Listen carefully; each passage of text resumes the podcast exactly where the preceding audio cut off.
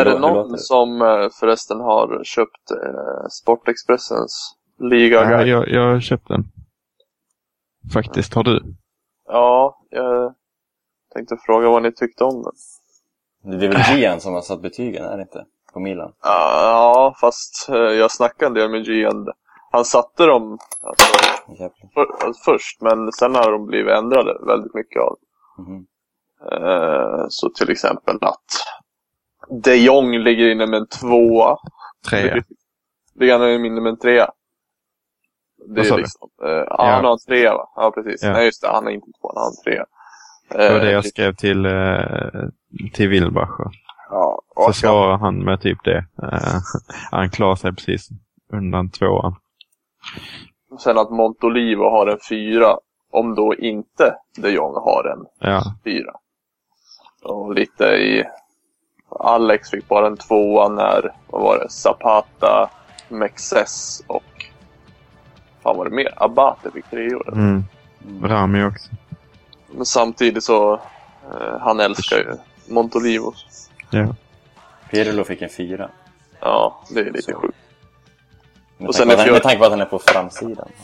Fiorentina då fick eh, Tomovic och Komper fick treor i backlinjen. Kompen. och då får Alex en tvåa. Det är liksom, ja, Mm. det hör ju själv. Jag gillar i och för sig Tomovic alltså, men eh, Ja, men Kompen. jag kan ju hålla med. ja, Kompe vet jag inte. Ska vi börja?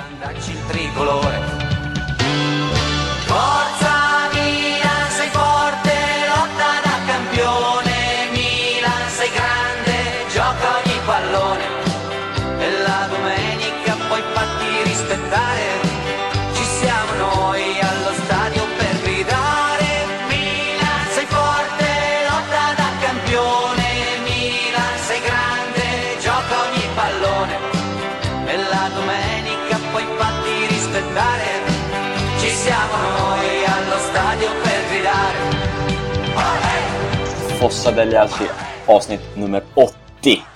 Det är stort. Andreas, eh, vem, vad får du för associationer? Det går ju inte att komma ifrån eh, Ronaldinho. Som man uttalar om man ska vara petig. Nu uttalar jag säkert inte helt korrekt, men det är ju åt det hållet. Om man ska hålla på med James Rodriguez så ska man hålla på med Ronaldinho, Thiago Silva och sånt. Fortsätt. Jag tänkte, det är snart slut på, du, vi har kört nu sedan avsnitt ett att vi liksom associ- ja, jag kan inte säga det ordet, associerar eh, avsnittsnumret med en spelarnummer där i Milan. Det börjar ta slut nu. Jag har, jag kommer spontant på ett nummer till som vi har att se fram emot. Knäcker du det? Nej, Jag har ju många fler. Så jag vet inte vad du sysslar med. I Milan? Eh, nu eh, blir jag lite osäker bara för att det blir så. Men vi har ju definitivt eh, 99an. Det är sant.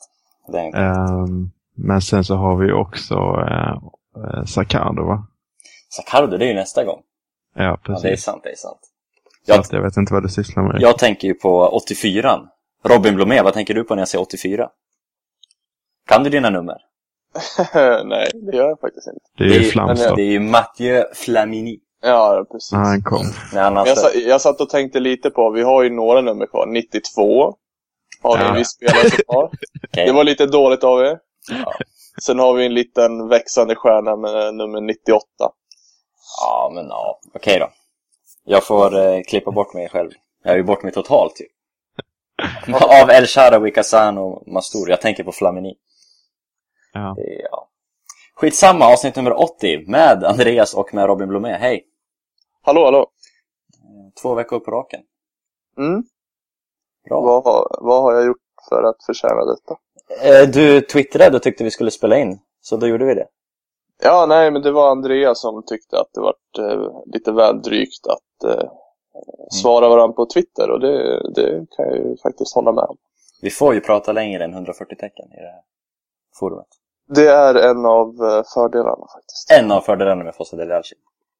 Milan, Milan corre va, più nessuno ti fermerà. Milan, Milan, mondo intero può conquistar. Och då börjar vi prata om vad då Andreas? Du kan få bestämma idag. Oj, den, eh, det var överväldigande. Men det känns ju som att eh, Mercaton går ju inte att komma Nej. ifrån. Det tycker inte jag heller. Faktiskt. Och det senaste nu, eh, sist vi spelade in så var ju varken Armero eller Diego Lopez officiella. Eh, Armero var väl så gott som klar, men Diego Lopez blev klar till slut. Mm. Eh, och han kommer gratis, även han, trots kontrakt. Real. Madrid betalar honom för att han ska ja, bli gratis för Milan helt enkelt. Hur nöjd är du med den värvningen, Andreas? Nej, men vi var väl inne på det lite för avsnittet. Det är ju eh, alltså helt fantastiskt. Eh, visst är han 32, men 32 är ingen ålder på en målvakt och det är en av de absolut bästa i, i världen på den positionen. Då, han, är ju, han har konkurrerat ut Casillas eh, i Cari- eh, Casillas hemmalag där han är eh, en av de största symbolerna i, i europeisk klubbfotboll. Liksom. Det säger väldigt mycket och ehm, då är han uppenbarligen den bästa, tycker Mourinho. Det tycker Ancelotti.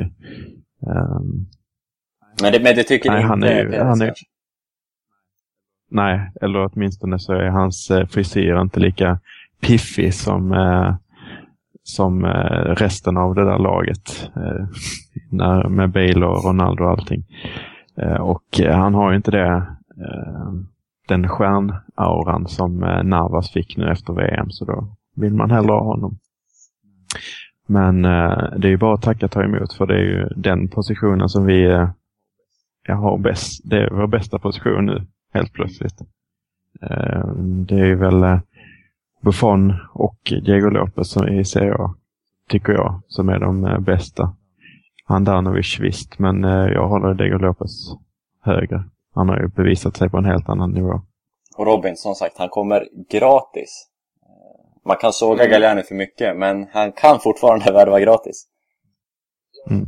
Ja, absolut. Det, det sa väl Galliani också själv här för några dagar sedan att eh, den här värvningen förenklades otroligt för, eh, genom ja, de kontakterna eh, Galliani och Milan har med Real Madrid och med Florentino Perez.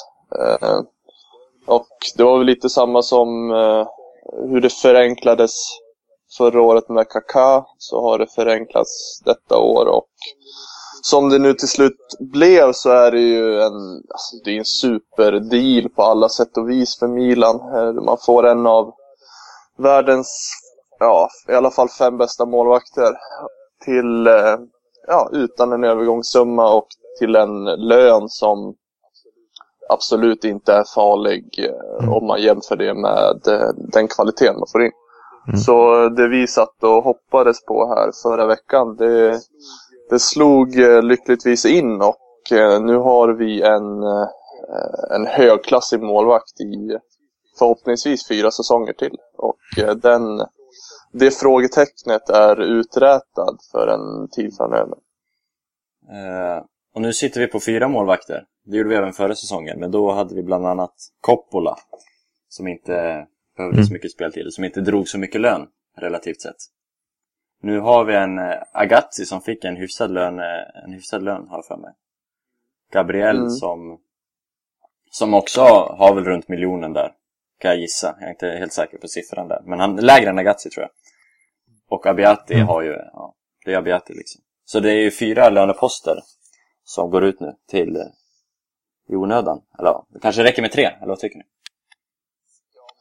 Ja, men så är det. Det var väl Amelia som försvann här i somras hade väl eh, cirka miljonen euro per säsong och det var väl, eller det är mycket för en, för en eh, andra målvakt eh, i, i nästan alla lag. Eh, och eh, eh, Amelia krävde speltid och det skulle han inte få regelbundet i Milan och då var det bästa att eh, gå skilda vägar. Men eh, då gäller det ju inte att man eh, man fyller den, det, det glappet som har blivit i, eh, ja, i stora löneberget med, med, en, med en ytterligare målvakt som bara sitter och eh, värmer bänken. Men eh, det är ju så det, så det har blivit nu. Men eh, eh så vi får se hur, eh, vem som kommer lämna, eh, lämna laget de här sista veckorna eh, innan, innan fönstret stänger. Jag har svårt att se att vi kommer sitta där med fyra målvakter. Vad, eh, vad vill ni ska lämna då? Eller vem vill ni ska lämna? Vi har ju... Ja, ni har gått igenom målvakterna. Alla vet vilka målvakter vi har. Vem eh, vill ni få bort? Ambiati är ju den som har högst lön. Eh, sen har ju Agazzi verkligen inte imponerat.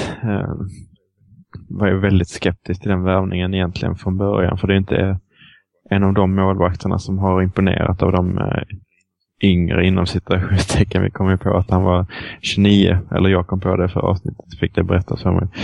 Um, och visst, Marketti är 31, men uh, alltså eh, de som är yngre än Buffon i alla fall han har ju inte riktigt imponerat tycker jag. Och på samma sätt som många andra. Eh, Consigli pratar man ju, eller tänker jag hela tiden på varför han fortfarande är kvar i Atalanta. Eh, så Agazzi, och det är väl han som har, det har ryktats om mest också. Eh, Sassuolo ska vara intresserade. Men han, ska ju, han säger att han inte vill lämna. Eller det, ska, det sägs ju det i alla fall. Ja. Blir... Uh, och jag kan ju uh, ställa mig lite frågande till varför Abiati vill vara kvar. Han är ändå... Jag såg inte honom som ett stort problem inför den här säsongen, förutom hans ålder. Men jag trodde att han skulle hålla den här säsongen också som, som statsmålvakt. Så att han skulle ju kunna hitta speltid någon annanstans, tycker jag.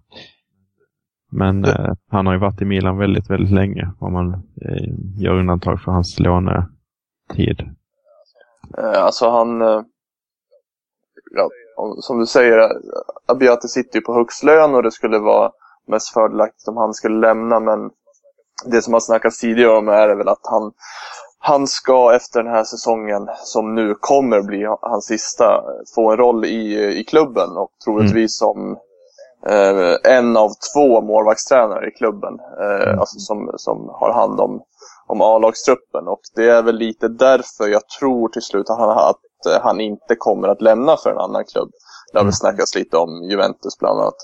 Eh, så det skulle väl vara lite lite fult nu i efterdyningarna av, av Cedorf om vi skulle försöka tvinga iväg en till målvakt som vi egentligen eller en till målvakt, en till spelare som vi egentligen vill ha inom klubben lite mm. senare. Eh, så det bästa, om vi nu inte ser till ekonomin, är ju att Gabriel lånas ut så han får eh, nyttig speltid och eh, ja, det är väl i princip det som är eh, orsaken. Då. Men som sagt, det är, väl, det är väl samtidigt också det dyraste, den dyraste, dyraste kombinationen. Mm. Eh, men eh, jag skulle väl helst se att eh, både Agazzi försvinner och eh, Gabriel lånas ut och sen får man ta in en avdankad jäkel som finns någonstans och eh, sitta som tredje målvakt. Eh, alternativt ha som de flesta andra klubbarna har en Primavera målvakt mm. som tänker mm. Det är inget konstigheter med det. Fiori i trupp, eller som i, i staben också väl? Precis, Precis. gamle Varerio. Som kan ju rycka in som tredje målis kanske. Mm. Nej, jag skulle komma till samma slutsats så småningom också. Att sälja Agazzi och skicka Gabriel på lån. Det jobbiga är väl om, om, om man nu skulle skicka iväg Agazzi, om man nu skulle övertyga honom om det, så skulle det nog ändå innebära att Milan får betala minst en del av hans lön eftersom det är inte många mindre klubbar som betalar en miljon euro ens för någon av sina spelare. Mm. Eh, och eh, absolut inte för eh, Mikael Agazzi. Nej, då, då är vi överens på den punkten. Tror jag, tycker jag. Ska, Armero, det pratade vi om förra veckan tycker jag. Konstant Armero, det är ju... Det är som det är. Jag tycker inte vi behöver diskutera det så mycket djupare, egentligen. Men det som eh, vårt lilla, eller framförallt ert lilla Twitter-samtal handlade om det var väl lite om yttrar och innermittfältare där. Ska ni sammanfatta för de som inte följer det på Twitter eller inte har Twitter eller så? Och sen börja diskussionen därifrån. Ja, det, det har ju börjat eh, snackas lite smått om en eh, central mittfältare. eh, från Frankrike. Antingen Rabiot från PSG eller Grenier från Olympique Lyonnais. Så, och det är väl lite det som jag och Robin har efterlyst. Eh, att det är den positionen som behöver stärkas främst, inte den här ytterpositionen. Eller det är i alla fall främst min, eh, så menar jag i alla fall. Och därför är jag väldigt glad att ryktena börjar gå den vägen. Kan man plocka Rabiot eh, eller eh, Grenier och kanske Tarabt så ser jag det mycket hellre än eh, att plocka in eh, en Cherchi till exempel som skulle bli dyrare än, än så. Eh, om man ser eh, Rabiot så pratas det om summor under 10 miljoner och Tarabt på 5 kanske miljoner euro. Så blir det ju någonstans mellan hälften och tre fjärdedelar av priset för Cherchi. Sen kan ju jag eh, fundera lite på om, eh, om det verkligen är värt att eh, plocka in en spelare, Tarabt, som är ungefär på samma nivå som eh, Menes när vi redan har eh, Niang på den positionen också. Vi har Honda som inte verkar spela på centralt utan verkar eh, det verkar vara högerkanten som är hans eh, position också. Så blir det ju fyra spelare på den positionen. Samtidigt så har vi El Shaarawy på andra kanten. Jag tycker att Balotelli ska kunna funka som alternativ där också. Um, så det är mycket, många alternativ på de positionerna för ett lag som bara spelar liga-fotboll. Mm. Eh, och cup. Ja. Det var, det, det var sammanfattningen. Yes. Ja, det finns många, mycket man kan snacka om det här. Det, det tar aldrig slut. Vad har, vad har du att tillägga, att säga? Nej, men det, alltså, det är väl lite som, eh, som Andreas säger att eh, jag skulle också helst vilja se att man lägger allt kraft på att eh, förstärka Ja, nu egentligen vill jag att man ska förstärka försvaret, men nu i alla fall mittfältet då, först och främst. Och då är ju Rabiot en supersmart värvning på alla sätt och vis. Det är en ung, eh, kreativ tvåvägsspelare som det nu det skriks om i hela Europa. Det, det är sådana mittfältare det ska vara. en Ja, alla som följer Serie A vet ju hur eh, Vidal och eh, Pogba spelar. Det är precis eh, det jag försöker efterlikna då. Eh, Rabiot är ju inte, absolut inte i samma klass, men det är samma typ av spelare. Eh, han är han är väl yngre än 20. Är han 19 eller han 18? Det vet jag inte riktigt. Men eh, ja, han kan komma för en väldigt billig summa. Nu snackas det runt till och med 5-8 miljoner euro för en sån stor talang eh, som, eh, som klubben verkligen behöver och som går hand i hand med den så kallade ungdomssatsning man ska göra. Eh, Mm. Och eh, Eh, jag tycker det är väldigt idiotiskt att lägga ut 20 till 25 miljoner euro på en ytter eh, när det redan eh, när det redan finns alternativ i klubben och när man bara spelar en turnering i år. Och dock så har jag ju en förkärlek för Tarabt och det är, en, det är en väldigt liten summa man skulle kunna få honom för. Eh, jag tänker, ju- eller jag, jag är rädd för att det är någon annan klubb som kniper honom och han börjar göra, alltså han, han kommer göra succé och då, då kommer man nog gräma sig att man inte tog honom till slut.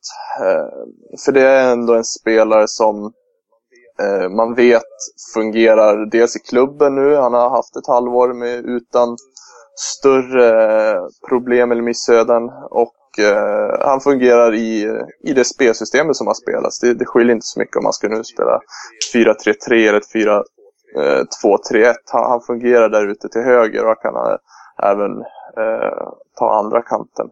Eh, så, så på det sättet så skulle jag även vilja ha eh, Tarat även om han inte egentligen eh, behövs för själva truppsammansättningen. Men eh, som sagt, första hand centralt mittfält. Jag ser det, Rabiot är född eh, 95. Så han är ju 19. Mm. bast.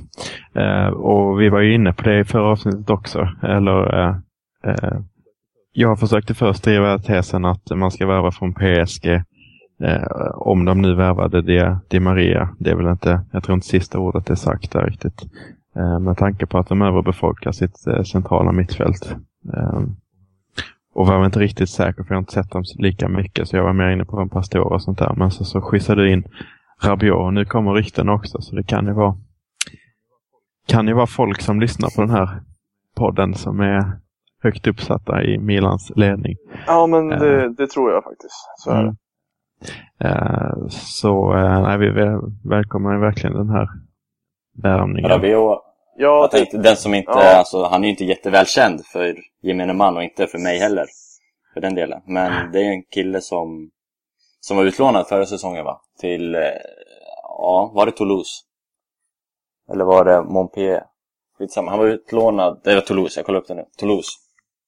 Mm. Eh, men han eh, gjorde sin Champions League-debut när han var typ 16. Eh, han har varit i City, har jag läst, när han var ung.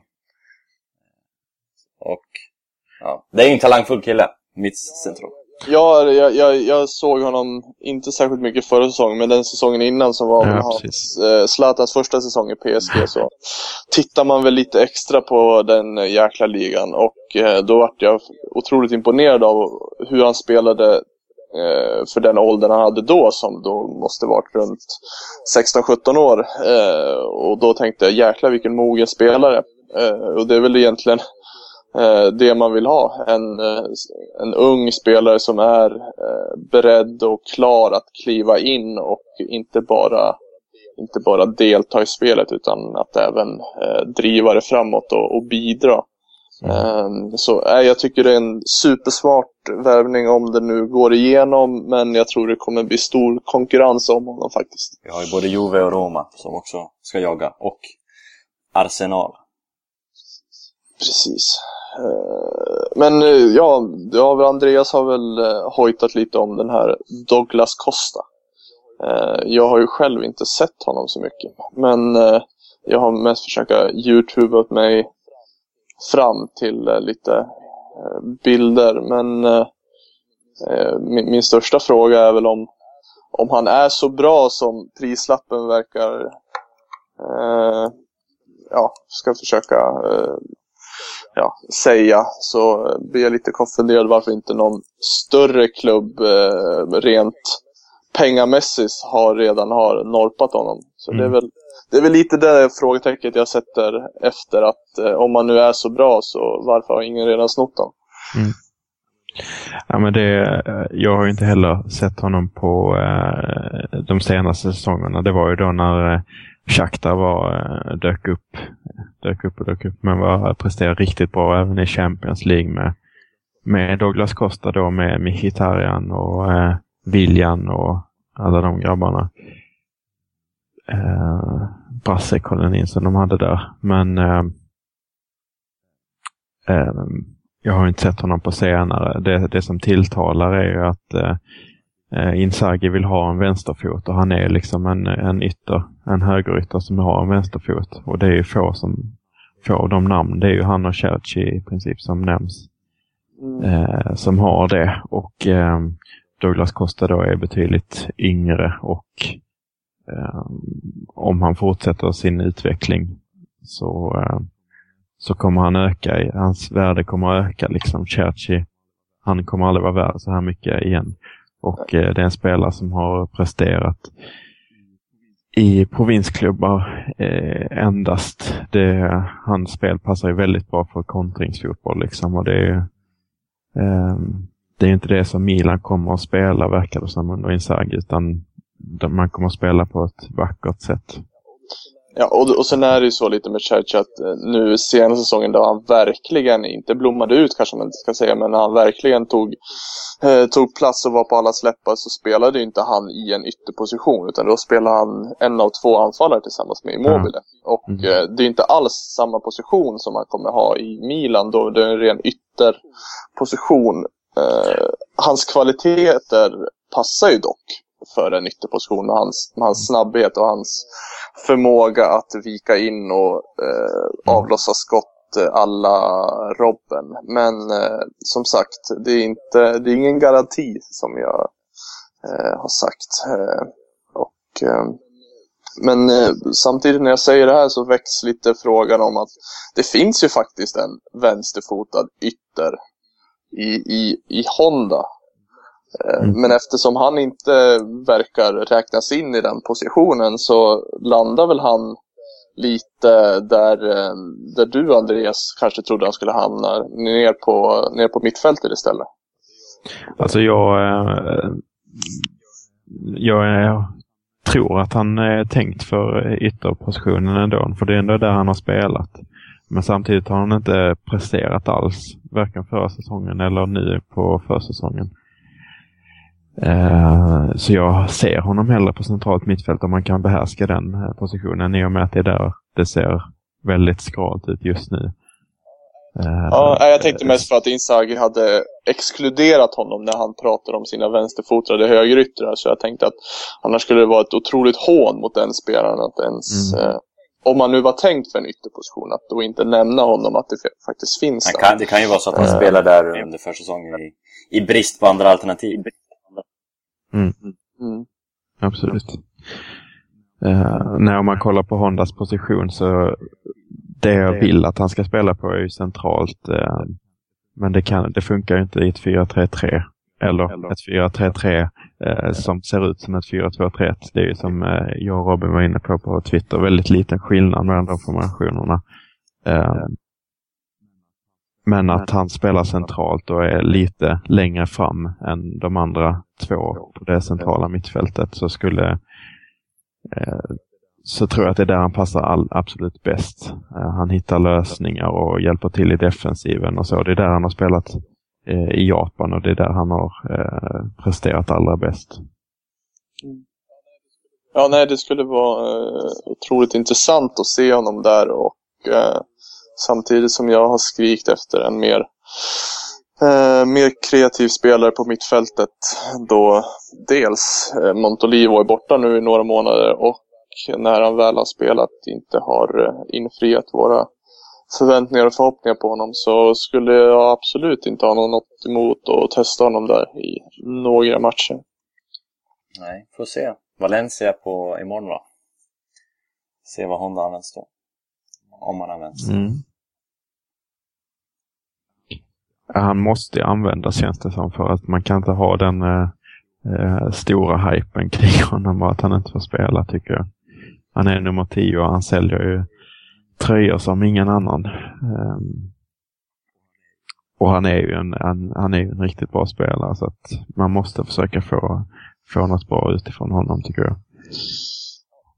Ja, det, det glädjer mig i alla fall lite att den här uh, jakten på någon defensivare, lite mer destruktiv spelare verkar ha avta. Att, att en Gemaili kanske inte, förhoppningsvis inte värvas in till slut på Mm. den första september eller något sånt där. Mm. Ehm, att vi försöker leta efter någon mer, som sagt, lite mer kreativare. Yngre. Bra. Ja men alltså ja, ett mittfält med eh, för tillfället då de Jong, Honda och Rabiot. Eh, som av någon anledning PSG vill sälja. Jag tycker, för, för, jag tycker det är väldigt märkligt att de vill sälja honom för det är liksom en ung fransman som har verkligen potential. ju... Eh, de har ju liksom värvat in eh, Kabay och de är sugna på Pogba och de vill ju ha, de vill ha det franskt. Men, de, eh, de hade ju, enligt Milan News, så försökte de ju... Hade ett möte med Rabiot i tisdags och ville förlänga, men kom inte fram till något. Och eftersom de Nej. inte vill förlänga, hans kontrakt går ut nästa år, så då vill de sälja nu så han inte går gratis om ett år. Precis. Och, Så det- och hux, hux flux har eh, PSG börjat bry sig om att eh, försäljningssummor också, att få in några miljoner för Mm. att kunna köpa själva. Så det är en ny verklighet för dem också. Och den eh, gammel nya eh, sanningen för Milan att vi ska värva PSGs rester. Liksom. Eh, men eh, så är det ju nu för tiden. Milan, Milan corre va, più nessuno ti fermerà. Milan, Milan, mondo intero puoi conquistar. ungefär vid den här tiden i podcasten så brukar vi ju köra de eh, veckans punkter. Eh, Veckans fax, eller omfax, perifax och veckans ost. Eh, dessvärre, för första gången sen, eh, sen vi startade den här fasta programpunkterna så har jag inte fått in något fax den här veckan. Så det blir helt enkelt inget fax. Eh, vi är lite besvikna på det så jag hoppas att det blir bättring till nästa vecka. Eh, som vanligt är vår fax trasig så ni får ju mejla på fossadelialci.gmail.com tills vidare. Andreas jobbar fortsatt på en faxlösning men det går inte så snabbt. Det är lite en italiensk mentalitet på Andreas. Ja, det är det faktiskt. Eh, Men du har eh, din punkt redo som vanligt. Ja, fast ändå inte riktigt som vanligt. Eh, veckans ost eh, kommer faktiskt från en eh, lyssnare. Så det är nästan en, det är som en Så kombination. det, är- det är ju faktiskt en kombination av det hela. Eh, är det. Och eh, det är eh, mest riktat som kritik, delvis till mig men också till Galliani. Eh, och eh, jag tar fullt eh, ansvar för den. Jag kan inte annat än hålla med om den här kritiken. Men jag kör den då. Ehm, det är Johan Uttersson som kommer med den. Även kallad Playboy di Milano.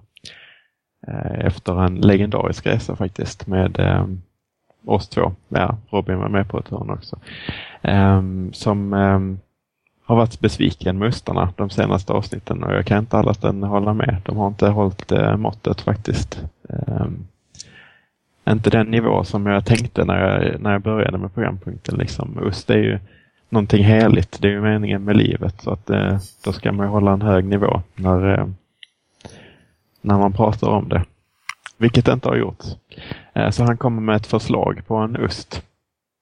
Eh, och han eh, ger förslaget norsk brunost. Eh, och eh, vill mena detta som en sågning mot eh, Galliani. Eh, han eh, tyckte inte alls om det här uttalet med 99,98 procent som, eh, som eh, han fjantar omkring med eh, enligt Johans eh, egna ord. Eh, han, eh, Johan säger att eh, ge mig Gallianis telefonbok så gör jag det där jobbet bättre. Det är hans eh, poäng helt enkelt.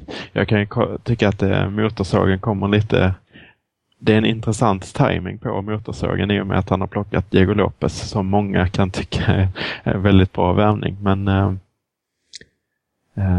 ja, det här är hans eh, syn på det. Jag tycker helt klart vi ska ta upp det här med 99,98 procent sannolikhet att Balotelli är kvar.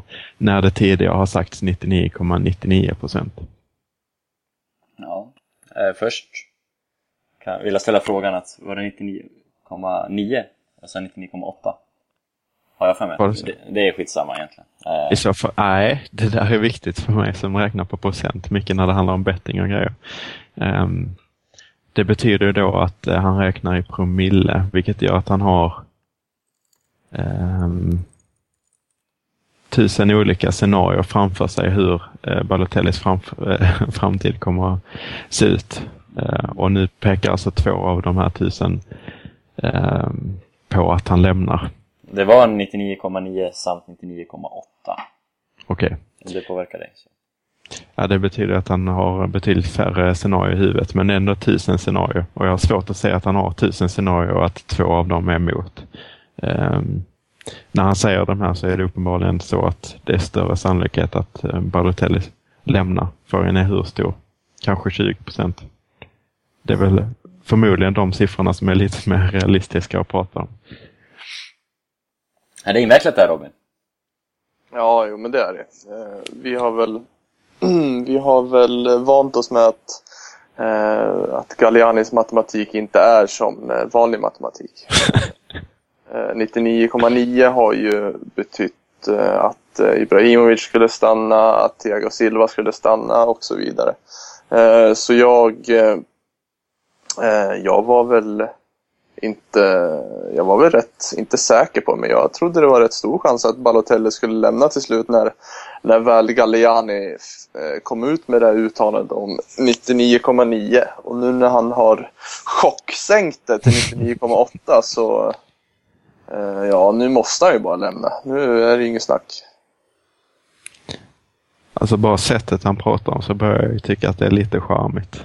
Men det är ju, det är ju nu i, i ljuset av Diego Lopez som man eh, kan tycka det. När eh, vi sitter på de här löne, höga lönekostnaderna och det inte kommer några unga spännande spelare och allting sånt där så kan man ju tycka annorlunda. Men just nu så tycker jag att det är charmigt. Men eh, absolut så tycker jag att man ska ta allvarligt på orden för att eh, det är nog inte alls så att det är, är så säkert att Balotelli stannar till nästa säsong. Men frågan är vem det är som gör att han sänker de här procentsatsen. Av, av vilken klubb? Eh, känner jag, det är en diskussion vi haft tidigare. Eh, tidigare under sommaren. Och nu tycker jag det känns ännu mer... Jag ser inte vilken klubb som skulle värva honom. Nej, Det är, ja, Monaco eventuellt. Men... Nej, jag vet inte. Och frågan är, vad är en, vad är en Balotelli värd nu, idag? Det känns som det värdet har sänkts också.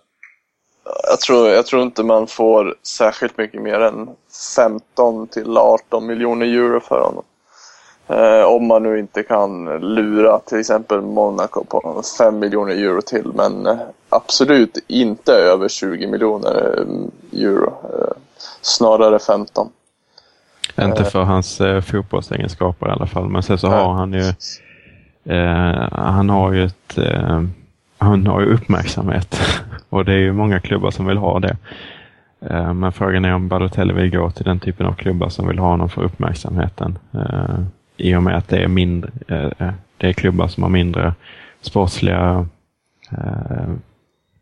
ja, chanser på titlar och så vidare. Men ja, Alltså- jag tycker det är intressant.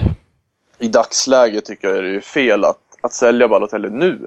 Skulle Ja. du sålt honom i början av augusti och det fortfarande skulle funnits tid att eh, både resonera och att eh, hitta en, en, en ersättare som de tycker passar bra in antingen för ett befintligt spelsystem eller ett nytt så, så skulle det varit rätt att, eh, att sälja honom för, eh, för så bra har han inte varit i slutet.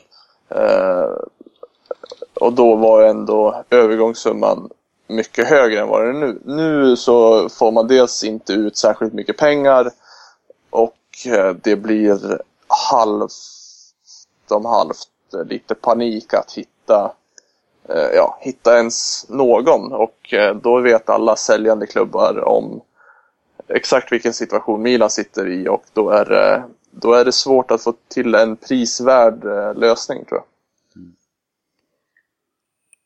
Ja, nej, det är bara, jag skriver bara under på vad ni säger. Eh, hade man sålt Balotelli ja, innan VM eller efter, direkt efter VM så visst. Eh, det hade kunnat funka, men nu absolut inte. Tvär nej från mig. Och det är ju som sagt frågan var de här 0,1% sänkningen kommer ifrån. Ja, är det nog... Uh, jag höll på att säga. Men det är en liten charmoffensiv till och med av Galliani för att för att kolla runt en sista gång. Finns det någon som vill köpa vår lilla pojk? Eh, typ. Eller, eh, eller är det bara ett spel för galleriet totalt? Han bara trollar. Eller vad man ska säga. Precis.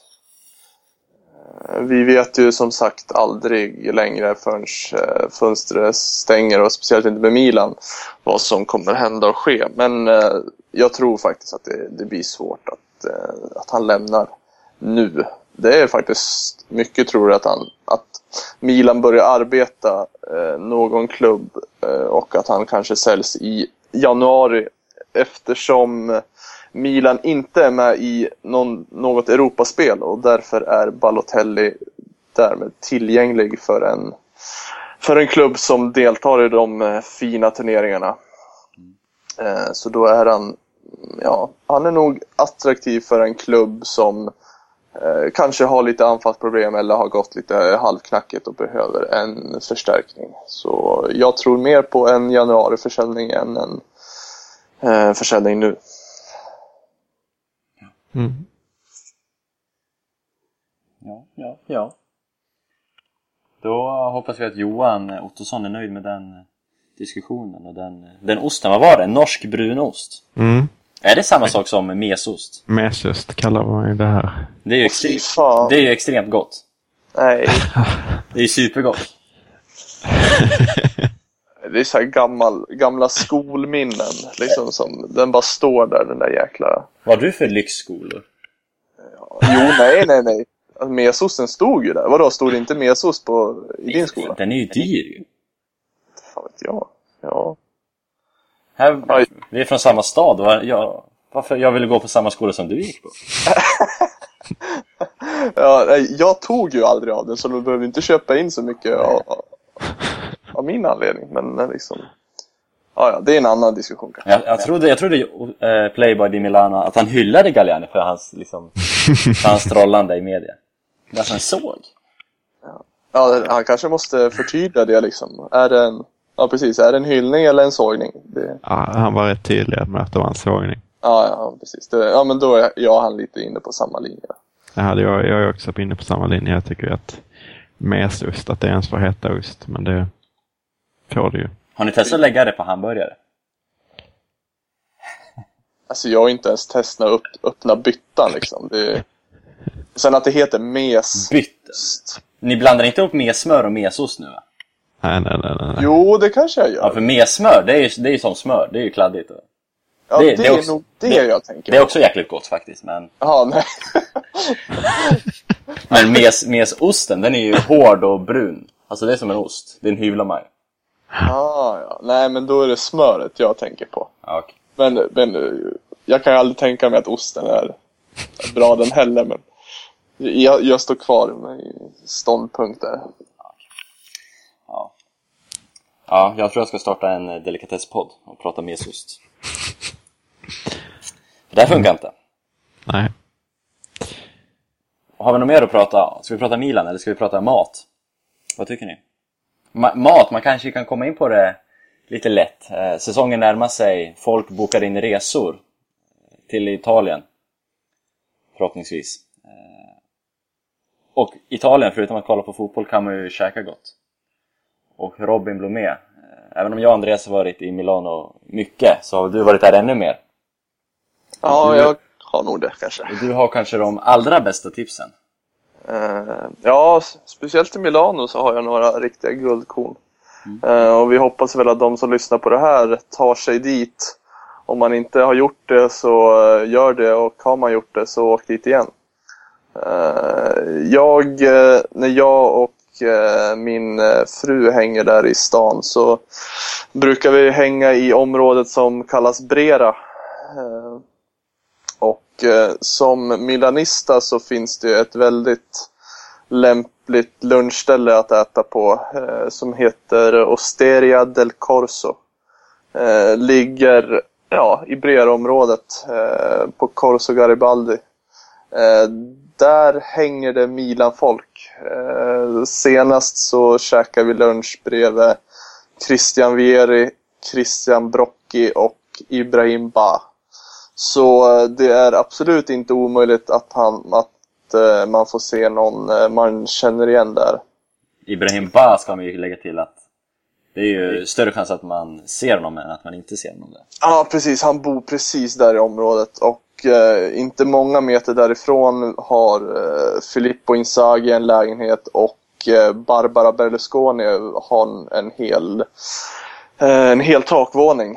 Så det är både kändistätt i allmänhet och speciellt Milan, eh, eller tätt med folk med Milan-anknytning däromkring. Så vill man eh, försöka se någon profil, spelare eller dylikt så ska man Eh, så ska man eh, checka in det stället. Det är grym bra mat, den är billig. Eh, fast man inte kan tro det efter min beskrivning så är det jäkligt billig mat för att eh, dels vara Milano. Eh, och eh, ja, eh, sen, ja, det, vill ni ha mer tips eller vad tycker du? Ja, man kan lägga till att i samma område så finns det ju en bargata ska man kalla det, men eh, flera restauranger, barer på, på rak. Eh, trevligt kvällsliv, nattliv. Ja, precis. Det är lite längre upp där så börjar ju Corso Como eh, som är festgatan i... Mm. Jag, tänk, jag tänkte lite tidigare där, men Corso Como ligger också nära, absolut. Ja, nej, men precis. Nej, precis innan där så är det eh, Largo Foppa, det är en litet torg eh, där är lite schyssta barer. Det är också en riktigt schysst restaurang som heter La Vecchia Lira som jag tycker är bästa käket i hela Milano. Eh, men fortsätter man upp där så eh, blir det ännu mer nattliv eh, och lite diskotek om man nu ska kalla det så. Corso Como är ju en, en bar, bargata, klubbgata. Ja, precis. Och längst upp på den så hittar man de, de hippaste. och, dis- och, dis- och diskotek säger man inte 2014. Men eh, det heter nästan det på, Ja, eh, på italienska kanske. Eh, men eh, ja, vill man ha mer information om det så finns jag på Twitter så ska jag ge en väldigt eh, tydlig vägbeskrivning och eh, hur man ska gå tillväga. Det var där vi, eh, vi träffade dig under vår Fosso dell'Alce-resa, dig och Vicky. Mm, Då var vi vi skulle kolla Coppa Italia-finalen. precis. Letade efter ett ställe som sände den och hamnade väl på en rysk vodkabar. Mm, var det, var, det var intressant. Ja, det var ett intressant ställe. Kanske inte optimalt för fotboll, men det var... Nej, det var, var halva vårt sällskap fick väl se matchen och halva satt väl bakom en toalett om jag inte minns fel. Ja, Eh, Men eh, nej, som sagt, det, det är ett riktigt schysst område om jag nu ska ge lite cred till området. Och det är där jag hänger mesta delen av tiden. Jag hänger inte nere vid, eh, vid domen, eh, för det, det har man sett några gånger. Eh, men det, det är mysigt och pittoreskt och det är bra mat och käk och shopping och hela grejen. Så man får, man får det mesta i det området. Så det, det kan jag rekommendera, både att bo och eh, hänga runt. För det är otroligt nära ner. Eh, både att gå ner till centrum och eh, ta metron alltså så vill ni träffa Ibrahim Ba, Christian Vieri, Robin Blomé. Åk till Brera-området. Do it! Andreas, har du något litet guldkorn du vill dela med dig av? Nej, men det är väl bara att eh, understryka det Robin sa egentligen. Sen har vi ju vår klassiska pizzeria som serverar sjukt stora pizzor. Väldigt billigt. Stopp! Stopp. Ligger eh, nära Shoppinggatan, Corso Buenos Aires. ja, den gör det. Kan ju Det- ja, fråga oss om ni vill ha lite Så, så är man eh, svulten kan man ju faktiskt gå dit. Vanligtvis så blir man ju inte så eh, proppmätt på pizzor i Italien som man blir i, i eh, Sverige för de har ju tunnare botten och eh, allt det där bättre innehåll. Men eh, de är så stora att man blir ordentligt mätt. Eh, så de är faktiskt rätt bra. Ja, det är bara... Håll, bara hållat med. Ja, man kan väl säga det för i övrigt. Vill man ha någon Milan, Milan-tips, höll jag på att säga, Milano-tips så är det bara att höra av sig på eh, Twitter. För man har en uppfattning om det mesta i alla fall. Ja. Eh, Robin i första hand, med Andreas i andra hand kanske. Jag och Andreas kan väl en del, hoppas jag. Eh, om ni undrar något. Annars jag ty- tycker vi får vara nöjda med veckans avsnitt. Ja, jag är skitnöjd. Ja, och jag tycker som sagt, eh, un fax per il fax, vi måste ju, ni måste ju skicka in fax, annars blir det ju inget liksom. Så Ja, jag, ska, jag ska skicka in ett nästa vecka. Ja, det är bra. Det är bra. Eh, Så, ja. eh, Tack för att du har lyssnat. Kommentarer, Twitter, bla bla bla. Mail. Ni kan den biten. Ni kunde i alla fall tills den här veckan. Eh, Vi hörs när vi hörs. Ha det så bra. Hej då. Ciao! Ciao. Adjöken, ciao.